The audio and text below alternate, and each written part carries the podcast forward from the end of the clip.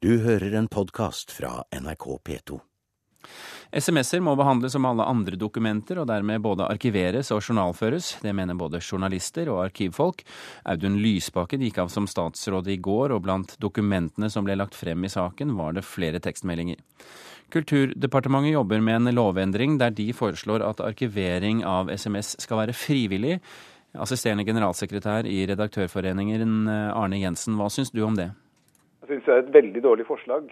Eh, fordi stadig mer av kommunikasjonen også i forvaltning og i politikk skjer via elektronisk eh, kommunikasjon. Eh, og det betyr at det blir vanskeligere for både allmennhet og presse å kunne følge med på hvordan forvaltningen behandler saker, og hvordan man forvalter penger. Og Det mener vi et, vil være et kraftig tilbakeskritt. Hvilke eksempler har vi på at SMS er viktig i dokumentasjon, hvis vi ser bort fra selve eh, Lysbakken-saken? Ja, vi har jo eksempler fra, fra finanskrisen, eh, hvor, eh, hvor, konsernsjefen i Norges største finanskonsern, eh, Rune Bjerke, og, og, statsminister Jens Stoltenberg da kommuniserte via SMS, og hvor, eh, hvor eh, Rune Bjerke som, som, sjef for DNB ga uttrykk for synspunkter på hvordan krisepakken til finansnæringen burde innrettes. Eh, og dette er jo åpenbart eh, interessant i en situasjon hvor, eh, hvor milliarder av kroner står på spill og finansnæringen skjelver. Og det var altså i en SMS som statsministeren måtte utlevere etter at Sivilombudsmannen hadde gjort det klart hva som, hva som er gjeldende rett.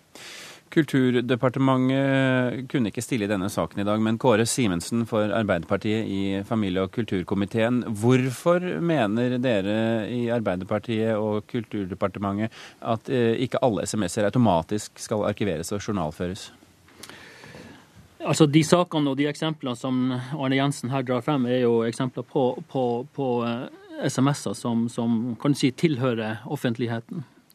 Eh, men det går også en grense hvor hva er privat og hva er offentlig informasjon. Og, er, og skal alt være tilgjengelig på, som går, ligger på en telefon, som f.eks. jeg som stortingsrepresentant har fått eh, fra min arbeidsgiver, om det skal være tilgjengelig for media, det stiller jeg spørsmål til. Så det er også å finne et grenseoppgang hva som er relevant informasjon. Og, og, eh, Vi møter jo kanskje denne utfordringa også på andre nye teknologiske plattformer, f.eks. som Facebook, Twitter og blogg. Skal men, det òg være Men, men Simensen, er det noen som mener at hvis du sender en melding eh, til et familiemedlem som handler om middagen, at den skal arkiveres i, i departementets nei, arkiver? Nei da, det var selvfølgelig for å dra det litt langt, men jeg sier altså skille mellom hvor går grensen mellom det som er privat og, og kan du si, ikke det som jeg skal handle til middag, men det som går grenseskillet mellom det private og det offentlige. Så det er også en debatt som man må ta her. Liksom, jeg oppfatter jo mer at man Alt, all informasjon som går fra min, min, mobiltelefon, kan være tilgjengelig for uh, pressen. Men, men, den, men, det grenselandet vil jeg være med å diskutere. Men mener du at det er vanskelig å arkivere tekstmeldinger? Det, det, tror jeg ikke at det er vanskelig. Det handler jo litt om teknologi, og de teknologiske løsningene de finnes, det er vi fullstendig klar over. Og, og mengden eh, SMS-er som måtte gå, det, det, altså det, er ikke det tekniske problemet, men det er også en, en, en diskusjon som må vi ta. Hvor skal det grenselandet gå mellom privat og offentlig? Men er det bare det praktiske spørsmålet her som bekymrer dere, eller er det noe også med innholdet? Det, det, er jo vanskelig å si, men nå er det jo ikke sånn at, det, at vi nekter adgang til at SMS eh, eh, ikke skal være en del av eh, den informasjonen som skal være tilgjengelig. Det er jo også litt opp til det organet som, som behandler ulike saker, om, om det her noe man ønsker å, å ha med. Det blir jo akkurat det samme som en, en telefonsamtale. Vi, vi vi, vi, behandler da i utgangspunktet SMS-en på lik linje med en telefonsamtale. og Hvordan skal da den muntlige skal det også tas og lagres i forhold til det, de utfordringene vi nå ser? Vilde Range, leder Norsk arkivråd. Hvorfor eh, bør SMS-er arkiveres og journalføres som alle andre dokumenter?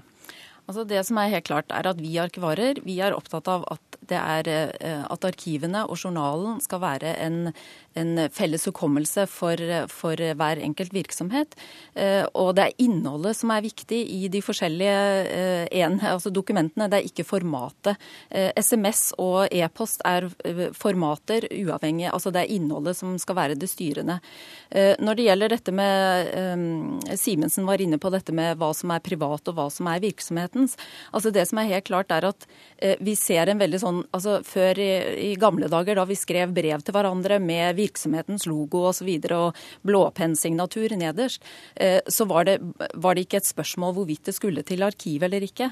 Eh, det som er greia nå, er at vi har, ser en privatisering av dokumentene. Vi sender dem på e-post og, vi sender dem på SMS, og gjerne fra telefonen vår, som anses som vår egen. Men innholdet er jo vel så relevant for saks, saksgangen i forvaltningen. Men Betyr det at vi eh, rett og slett er i ferd med å miste en del av den offentlige kommunikasjonen?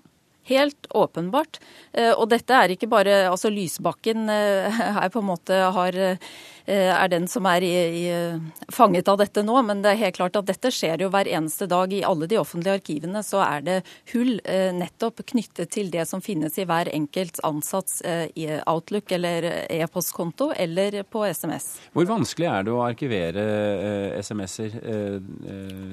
E-poster er lettere fordi vi vet at den har en sånn arkivfunksjon, men SMS-er? Ja, altså det er helt klart lettere med e-post, men fortsatt så må det en bevisstgjøring til i forhold til at det faktisk er Eh, virksomhetens, og ikke din private. Eh, når det gjelder det tekniske, så mener jeg at det er, om vi skal si vanskelig, ja, men eh, det er mer en utfordring som kan løses. Altså teknolo Det teknologiske er på en måte det, det minst viktige. Det viktigste er også å få på bordet at dette er relevant for saken, og derfor skal inn i journalen og inn i arkivene. Føler du at det er en, en forståelse for dette i det politiske miljøet?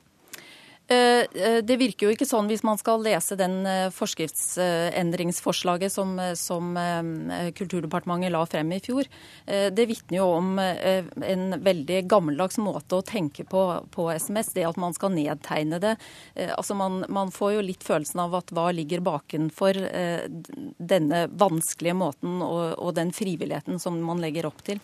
Arne Jensen i Redaktørforeningen, du har pustet inn et par ganger nå. Du skal få lov til å kommentere. Jeg bare oppklarer en en åpenbar misforståelse, som det heter. Det er ingen i, verken i Lysbakken-saken eller i andre saker som har bedt om innsyn i noens private SMS-er. Eh, prinsippet er, som det blir eh, ganske riktig påpekt her, det samme for SMS-meldinger som for e-post og for andre eh, dokumenter. At det er det som er relevant for saksbehandling, det som man i Arkivverket kaller arkivverdig materiale.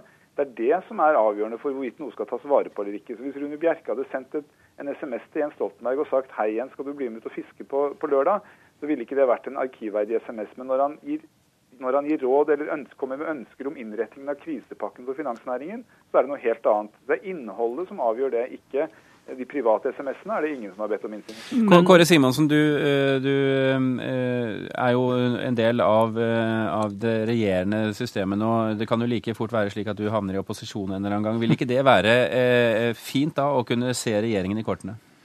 Altså Åpenhet det står vi jo alle sammen for, og det er vel ingen som betviler at ikke man står for åpenhet. Men eh, altså, det også debatten så langt så viser det jo også at det er jo ikke bare tut og kjør og si at det er sånn her vi skal ha det. Det krever jo en litt diskusjon også i forhold til både regler og alt sammen sånt. For nå må jo da eventuelt lese og, og si hva som er privat og hva som ikke er relevant for, for, for, saken i en sånn her. Og noen må da lese kanskje mine private e-poster for å si at det her er ikke relevant for saken, men det er relevant for saken. Kåre, Kåre Simensen, Arne Jensen og Vilde Ronge, vi må runde av denne sekvensen her. Tusen hjertelig takk for at dere kom til Kulturnytt. Du har hørt en podkast fra NRK P2.